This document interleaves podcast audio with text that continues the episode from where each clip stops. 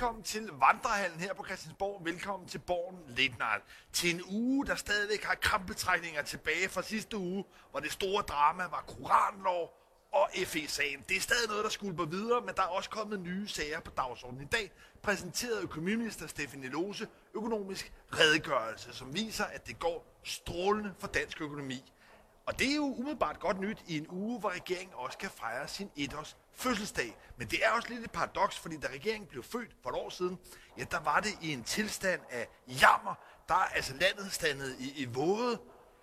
Og det skal vi snakke om, men vi skal slutte af i dag med også at kigge frem på den skatteaftale, den skattereform, der kan lande. Men ja, lad os lige starte med den økonomiske redegørelse. Altså, for et år siden, der stod vi nede i et mørkt hul. Ja, det var inflationen, der var det store problem øh, på grund af energipriserne, der simpelthen gik amok. Og, øh, og det udhulede jo folks øh, købekraft og indkomster, og, og især også pensionister og andre ting. Så det var det, det, det, var det problem, som regeringen skulle øh, handle, handle på.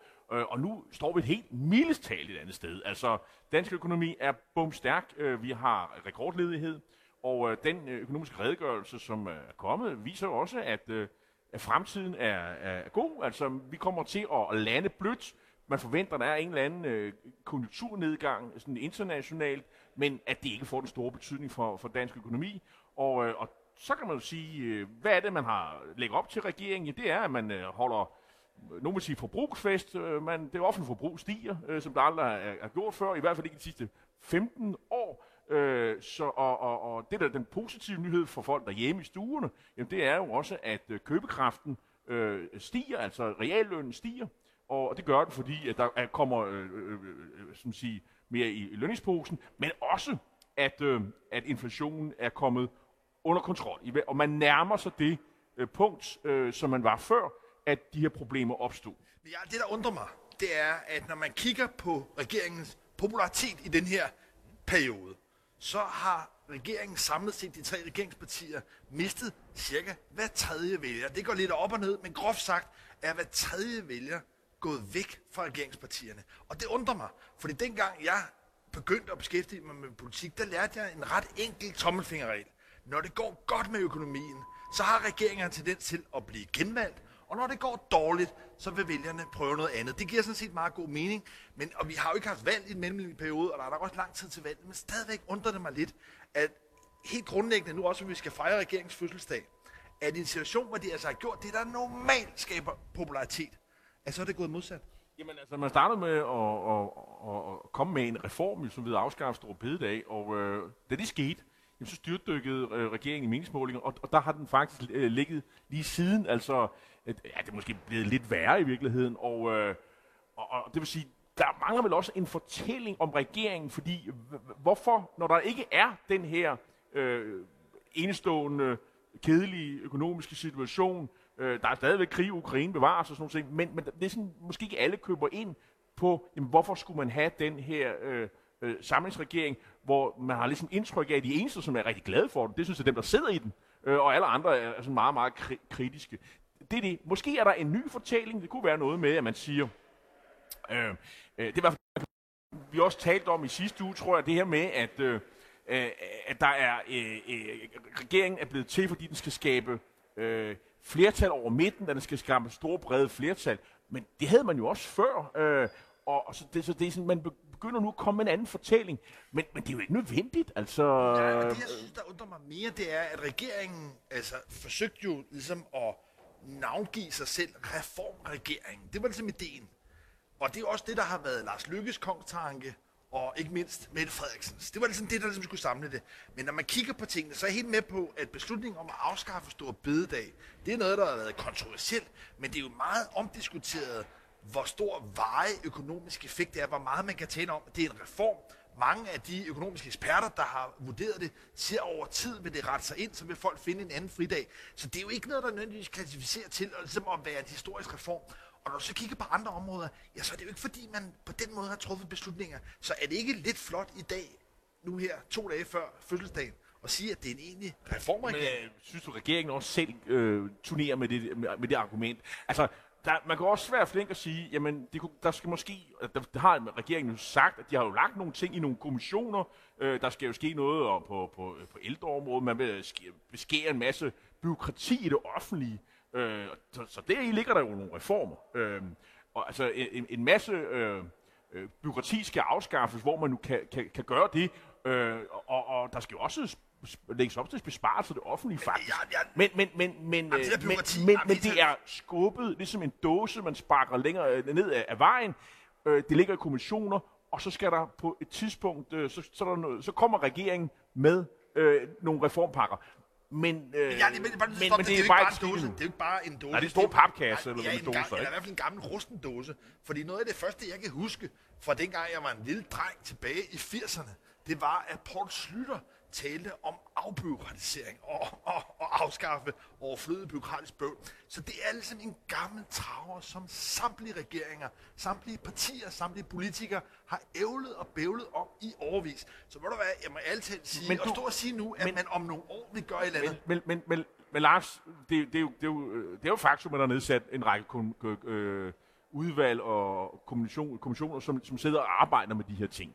Så øh, de kommer vel med et eller andet, som brugbart, som bliver til politik på et eller andet tidspunkt. Det må du vel anerkende. Ja, jeg vil gerne anerkende, at der kommer nogle papirer, og der kommer nogle idéer, som nok minder påfaldende meget om de idéer og papirer, der er kommet, kan man sige, ikke bare øh, i årtier, eller i et årti, men i år, flere årtier. Så, så min pointe er bare grundlæggende, at jeg synes stadig, det er svært at finde kvalific- altså at finde det kvalificerende om, og tale om, om, en reform Ja, altså, også, reformer. Også, Hvad er det for nogle reformer? Og, også, også forstået på den måde, at uh, en af de ting, som jo måske også kunne kvalificere til at, at være en reform, det er jo den her øh, Arne Plus-ordning og afskaffelse af seniorpension osv. Det, det kunne jo have været den reform. Men den- den den blev blev jo aflyst Ja. jo. Og øh, så, så det betyder, nu har- er det ligesom, regeringen har øh, øh, bevisbyrden for, at, øh, at om den stadigvæk er en reformregering. Fordi det, der ligesom har været indtrykket her på det, på det seneste, det er jo, at man sådan set bare har sagt, jamen vi deler øh, øh, lønkroner ud til særlige offentlige ansatte. Det var faktisk det, som statsministeren i dag spørgetime jo indledte med, og hun var meget, meget glad for, at der var nogen, der fik, noget, fik, fik mere løn for det offentlige ansatte. I øvrigt et socialdemokratisk valgløfte. Er det en reform? Det vil jeg ikke mene, det er. Og hun skyndte sig også at sige, at øh, hvor glad hun var for alle dem, der ikke fik del i de her øh, lønkroner. Så regeringen har bevisbyrden. Det kan være, at øh, der gemmer sig noget på den anden side af nytår. Man kan, man kan også sige, at den der øh, skatteaftale, som, øh, som vi stadig venter på, nogen vil også sige, at det er en skattereform, øh, ved det, at der kommer nogle skattelettelser. Jo, men altså, det, det er jo altid svært med det her reformord. Fordi der har jo alle dage været lavet politik, der har været finanslov, der bliver lavet alle mulige pakker.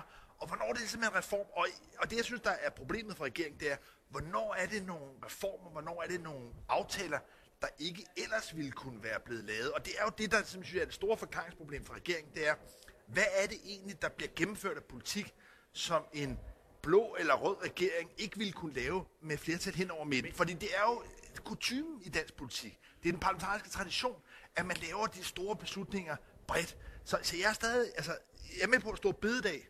Det ville man nok ikke have gennemført. Men det er så også det, der ligesom har kostet populariteten. Så er Der det, vil også være nogen, der mener, Lars, at den koranlov, øh, som blev lavet i, i sidste uge, og øh, som vil nu skal vi sådan læne os lidt op af meningsmålingerne, og der viser det sig, at der er befolkningen formentlig med regeringen i den her sag. En, en populær øh, reform, kan du kalde det i hvert fald. Det er i hvert fald noget, det, det, det er nok ikke rigtig en reform. Nogen vil sige, at det er en meget dårlig reform, er, det er en indskrænkning af ytringsfriheden, øh, godt nok på nogle øh, visse, visse meget afgrænsede områder, men stadigvæk. Det har været et kæmpe slagsmål. Så øh, det er jo ikke noget, som kunne være øh, gennemført uden SVM-regeringen. Nej, Køber synes- du den? Nej. Altså, Det tror du godt, det kunne? Ja, jamen, jeg synes, Det tror jeg Nej, nok jeg, ikke. Jamen, jeg, synes, jeg, jeg synes, det er sådan, altså det, man i sådan, hos de gamle grækere kaldte sådan et sofistisk argument, at man prøver at finde på et eller andet argument, der skal passe i lejligheden. Jo, jo, fordi, nej, fordi, ja, at det er rigtigt, der er lavet målinger, der viser, at folk er ikke tilhængere af koranafbrændinger. Og derfor er der mange vælgere, der ikke har noget imod, at man laver et forbud mod koranafbrændinger. Men selve loven, det er at indskrænke ytringsfriheden i Danmark. Det er der altså ikke noget, der tyder på, at der er mange, der er lidenskabeligt engageret i. Der er rigtig mange, der har været imod det, der har forsøgt at mobilisere, og der er det rigtigt, at der ikke er et flertal imod det her.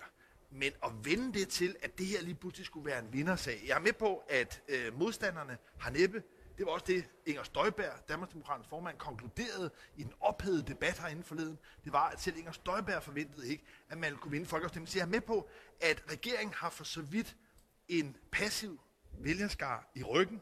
På den her sag. Men det, ja, men det er bare ikke noget, de vælger at gå op i. Altså hvis de skal prioritere, så er det fordi, at koranafbrændinger og hele det spørgsmål kommer meget ned på listen, at det bliver accepteret. Så til det her er jo ikke en, som, som, så, som sådan en vindersag for regeringen. Det er i hvert fald ikke en vindersag, når man øh, åbner aviserne, fordi det har stort set tordnet mod regeringen i den her sag. Men øh, det var nok forventeligt, at øh, Koranloven øh, gik igennem, med, blandt andet med de radikale stemmer.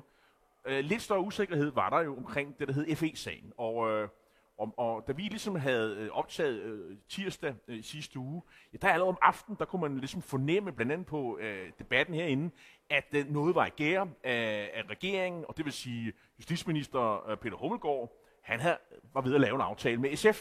Øh, det forlyder også, at han faktisk var i gang med, han talte med flere forskellige partier, også de konservative øh, blandt andet, om man kunne lave en eller anden aftale. Og det fornemmer man også på et svar fra øh, øh, SF's retsordfører, at der var faktisk noget i gang. Der var noget om snakken.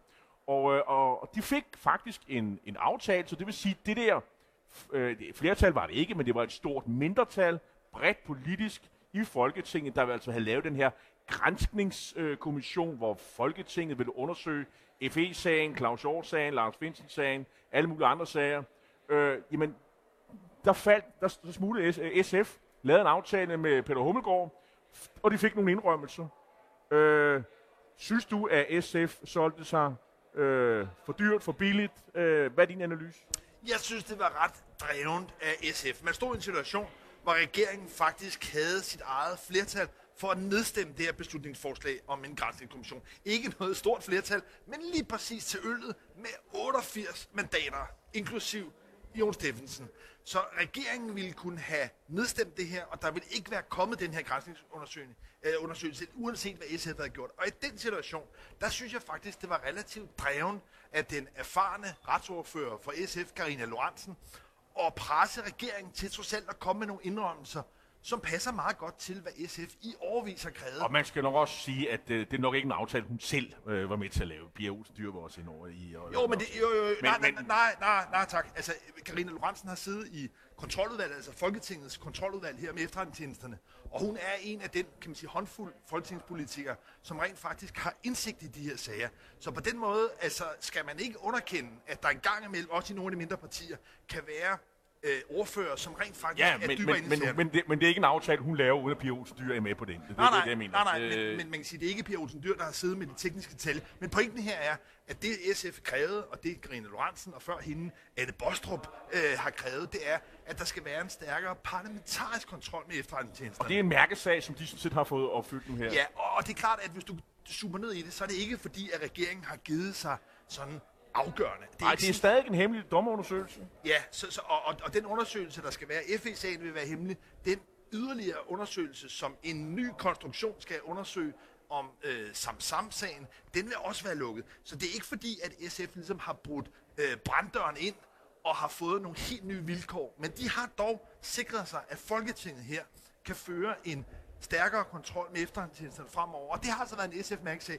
Og igen skal man huske, at de havde ikke flertal. Altså SF vi var ikke i en situation... men, øh, men nu, nu virker du lidt som en, en der ligesom øh, øh, forsvarer SF's øh, ageren her. Altså andre er jo hårdere at sige, det er en, det er en lokumsaftale.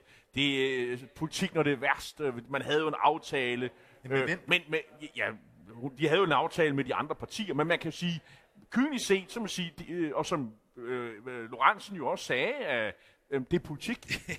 Og det er jo politik. Altså, man står og siger, uanset om man hopper og danser, så vil regeringen stemme det her igennem.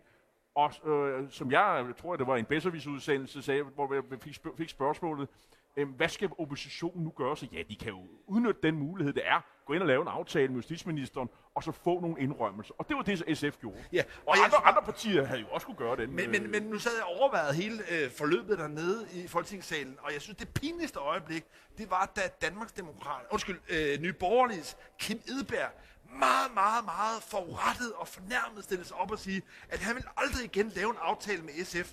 Og man må sige, Altså, er der noget SF, tror jeg, er 100% ligeglad med, det er, om de kan lave aftaler med nye borgerlige i fremtiden. Hvor du Som skal er, bare- to, øh, hvad er de to mandater i jo, øjeblikket? jo, ja. men altså, det, det viser jo lidt om, kan man sige, hvor meget også i en anden boble oppositionen har været, og hvor SF har reage- ageret magtpolitisk.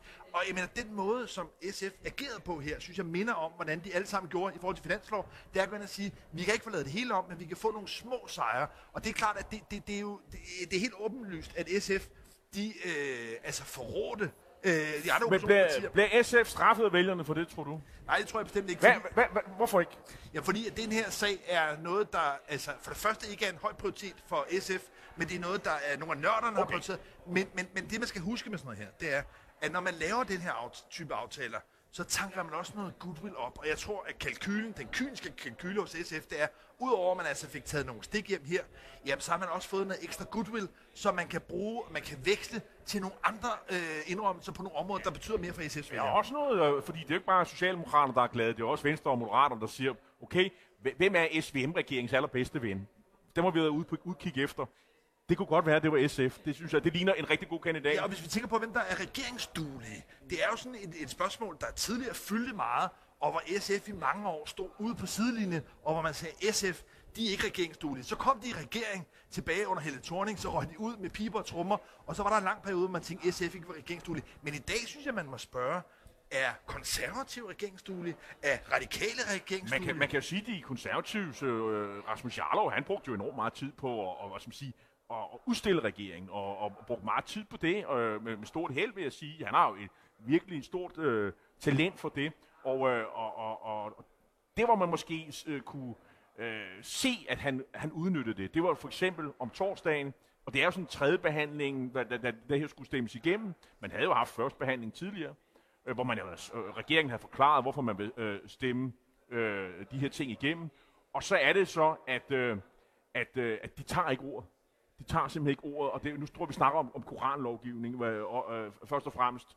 Øh, det, det var under den, og nu, så nu hopper jeg lidt tilbage igen. Men, men der tager regeringen ikke ordet og forsvarer deres egen øh, lovgivning.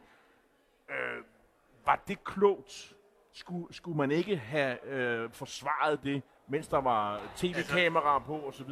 Altså, regeringen fik det, som de gerne ville have det. De fik stemt koranloven igennem. De fik en FE-undersøgelse, som var fuldstændig, som de havde ønsket det. Og de har øvrigt fået alle partier til ugen for inden at være med i en finanslov, og må ikke også, der er en del partier, der er med i en skatteaftale i den kommende uge. Så på den måde har Men regeringen jo fået de andre partier til at danse, Men de fremstod de jo ikke så meget magtfuldkommende og arrogante ved ikke at tale, ikke at forsvare øh, Jo, jo, de der jo, jo, jo, aftaler helt oplagt. Jo, enormt og. Jo, jo, selvfølgelig hovne, arrogante, men modbilledet til det er jo at være afmægtig og være ligegyldig. Og hvis der var noget, som Kim Edberg, Rasmus Jarlov og de andre fra oppositionen fremstod som, så var det netop afmægtige og ligegyldige. De stod ligesom og slog ud i luften, ramte ikke rigtig noget, og imens fik regeringen altså gennemført deres politik på skift med andre partier. Men- men så det her er jo så- en forskel på ligesom bare at bruge øh, Folketingssalen som debat, Der vil- der- og så til en lovgivningssag. Der vil øh, folk som Rasmus Jarlov sige, at kommentatorerne er sådan nogen, der siger, at, at, at de, de synes bare, at regeringen gør det enormt godt. Og, og, og så kigger man på meningsmålinger, der, der får regeringen øh, dumpe karakter. Hvordan hænger det sammen? Jamen, det hænger sammen på den måde, at når regeringen vurderes til at klare sig godt, så er det jo fordi, den får sin vilje. At den trumfer sin vilje igennem på arrogant vis, på hoven vis, på upopulær vis. Udøver Men magt. Men udøver magt. Sådan er politik, som Karina Lorentzen vil sige. Og overfor det, ja, der står der selvfølgelig nogle øh, oppositionspolitikere, som på skift indtager måske nogle øh, populære standpunkter, nogle ledige standpunkter, men ikke rigtig får nogen effekt. Og det er altså lidt forskellen på, at være i politik for at lave lovgivning, for at ændre ting, og så mere bare for at bruge det for at promovere sig selv og mene noget. Og Ja. der er der altså en stor kontrast her. Jeg synes, at en man øh, måske kunne fremhæve lidt den her proces, øh, om man kan lide resultatet eller ej. Altså, Peter Hummelgaard har jo løst den her enormt svære opgave. Dels at lave en koranlovgivning, en voldsomt kri- kritiseret, så har han man jo øh, ligesom fået lavet en lov, som i hvert fald øh, at de, de radikale endte med at stemme for. Man har også håndteret det her med SF og lavet aftalen med SF omkring øh, at, at den her øh, dommerundersøgelse, der skal foregå i Justitsministeriets regi, den har man også fået SF omkring. Man har givet, man har taget. Øh, I min bog, så er det jo øh, ret øh, flot politisk håndværk. Og det er jo ikke første gang, Peter Hummelgaard har, har udøvet det. Altså, øh, Arne-lovgivningen, øh, altså Arne-pensionslovgivningen, var jo faktisk også øh, udskrevet til noget enormt svært og kompliceret. Det lykkedes. Nu lykkedes han i, den her, i det her regi også. Øh, hvad er din analyse? Ja, hvis man lytter til de socialdemokratiske rådgiver, spindoktorer, hesteviskerne, så er der dem, der er omkring Peter Hummelgaard, som vil pege på, at det Peter Hummelgaard har leveret her, det er langt mere avanceret og krævende, end det Nikolaj Vammen har gjort med finansloven. For, for det var noget med at dele penge ud, og uden at, ligesom, og om, stille, mod, stille særlige modkrav. Og omvendt er der altså også hæftig aktivitet blandt dem, der er, er lønnet af Nikolaj Vammen, der påpeger, at Nikolaj Vammen er den, der har sikret ansvarlig økonomi. Så det vi altså ser for mig at se her, også bag kulisserne, herinde på Christiansborg og omkring på Slottsholmen, det er nu en kronprins, kronprinsstrid, der er blusset op igen mellem Hummelgaard og Vammen, og hvor de taler påfaldende kritisk om hinanden på kryds og tværs. Og, det, og, det og, så, og sådan noget er jo enormt spændende. Men jeg, jeg vil bare sige, altså, øh, er der ikke en forskel på at lave sådan noget, der, er juridisk meget kompliceret, øh, og, og, og hvor man skal, hvor, hvor skal man, skal man sige, hvor, hvor skal man sige, øh, øh, sige ja, og hvor skal man sige nej, frem for at og, som sige, bare dele penge ud? Altså, er, er, er, der, er der ikke en forskel i sværhedsgrad? Jo, men der er, der er ikke nogen tvivl om, at, at Peter Hummelgaard her har lavet et svindestykke, et politisk svindestykke. Ja, endnu et, ikke? Endnu et, ja. som gør, at for Mette Frederiksen er der ikke længere nogen tvivl om arvefølgende Socialdemokratiet. Skulle hun vælge eksempelvis til næste sommer at blive EU-kommissær, nu hvor Margrethe Vestager, altså i hvert fald er, er, første omgang ikke fik jobbet som chef for den europæiske investeringsbank, og nu roterer tilbage i kommissionen, men skal udskiftes til sommer. Hvis Mette Frederiksen gør det, så er der ikke nogen tvivl om, at Mette Frederiksens helt indiskutable første prioritet, det er Peter Hummelgaard. Problemet med sådan nogle arvefølger er bare, at det er jo ikke altid den, der forlader, og der har så jo, bestemmer. Og der har jo også været, jeg tror det var Berlingske, der har lavet en undersøgelse i den her uge, hvor man ligesom, hvem er de mest populære Øh, og blandt de socialdemokratiske minister, der er der faktisk finansministeren, der er den mest populære. Men han har jo ikke rigtig taget noget fra nogen øh, i ret lang tid, så det er måske nemmere for ham at, at vinde de der popularitets. Ja, og jeg tror i hvert fald, man skal forvente, at der i den kommende tid, måske også her hen over juledagen, vil komme flere kritiske artikler om øh, Nikolaj Vammen, uh, for der er hektisk, hæftig aktivitet i forhold til at bringe Peter Hummelgaard mere i spændende artikler og sådan nogle, hvor de vidste Men det, men det skyldes jo altså også, at man har den situation, at man nu ved, at der til sommer vil skulle være en større ministerrokade, fordi at der skal udpeges en ny kommissær. Regeringen har også bebudt, at der kommer en europaminister. Så på den måde ved man allerede nu. Og i det spil, ja, der er det altså, at de socialdemokratiske kronprinser nu begynder så småt at rumstere lidt med våben. Og inden vi skal lukke, skal vi lige sige, at øh, ja, det klippede jo sådan set fra Margrethe Vestager og at blive øh, øh, øh formand for den europæiske investeringsbank. Øh, det, det blev hun så ikke, så hun skal tilbage og være kommissær et halvt års tid. Hun får ikke nogen tredje omgang øh, som kommissær, det står ret klart. Øh, så der er vi jo et, en, en sag, vi har, vi har fulgt, øh, men i, efterhånden, de, de, valgte, de, de valgte en, en spansk kandidat. Ja, den danske øh, finansminister. Ja, ja og, og tillykke med det, siger vi så. Og, sådan, og der er jo ikke nogen øh, andenpladser i, i det her spil, og nu bliver hun så udråbt til den store, øh, den store taber. Det er nok at, at trække den for langt, trods alt. Det er flot at være med, men øh, der er kun en, der kan få en cigar øh, i det spil. Men øh, det eneste, vi står og mangler nu, det er sådan set en, øh, en, øh, en skatteaftale, og der har Nikolaj Vammen jo øh, mulighed for igen at være den store øh, hvad skal man sige, øh, strateg og en store øh, forhandler, øh, og, og, og det bliver jo spændende at se, hvor mange får han egentlig med den aftale. Som det er lige nu, så er situationen uafklaret, som det hedder. De forhandlede i går, de forhandler i dag, vi ved, at det skal være færdigt inden jul.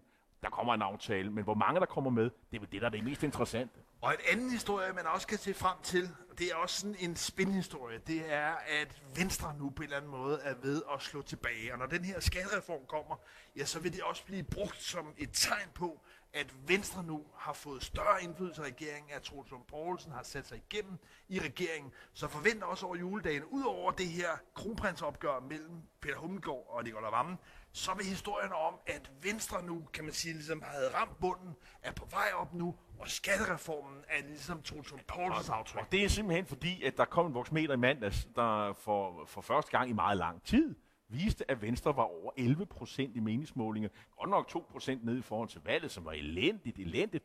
Men det er længe siden, at Venstre har været på 11 procent. Men det var altså én måling, og så øh, mener man, at nu er Venstre ved at, at, at få fat i raketten igen, og, og, og så er det kun stjernerne, der er, der er begrænsningen for, Men jeg- hvor, hvor, hvor, hvor Venstre ender. Lad os nu se, om det går så, øh, så godt. Vi skal Det er, slutte nu. men det er skattereformen, der er den sidste sløjfe, der kan bindes om 2023.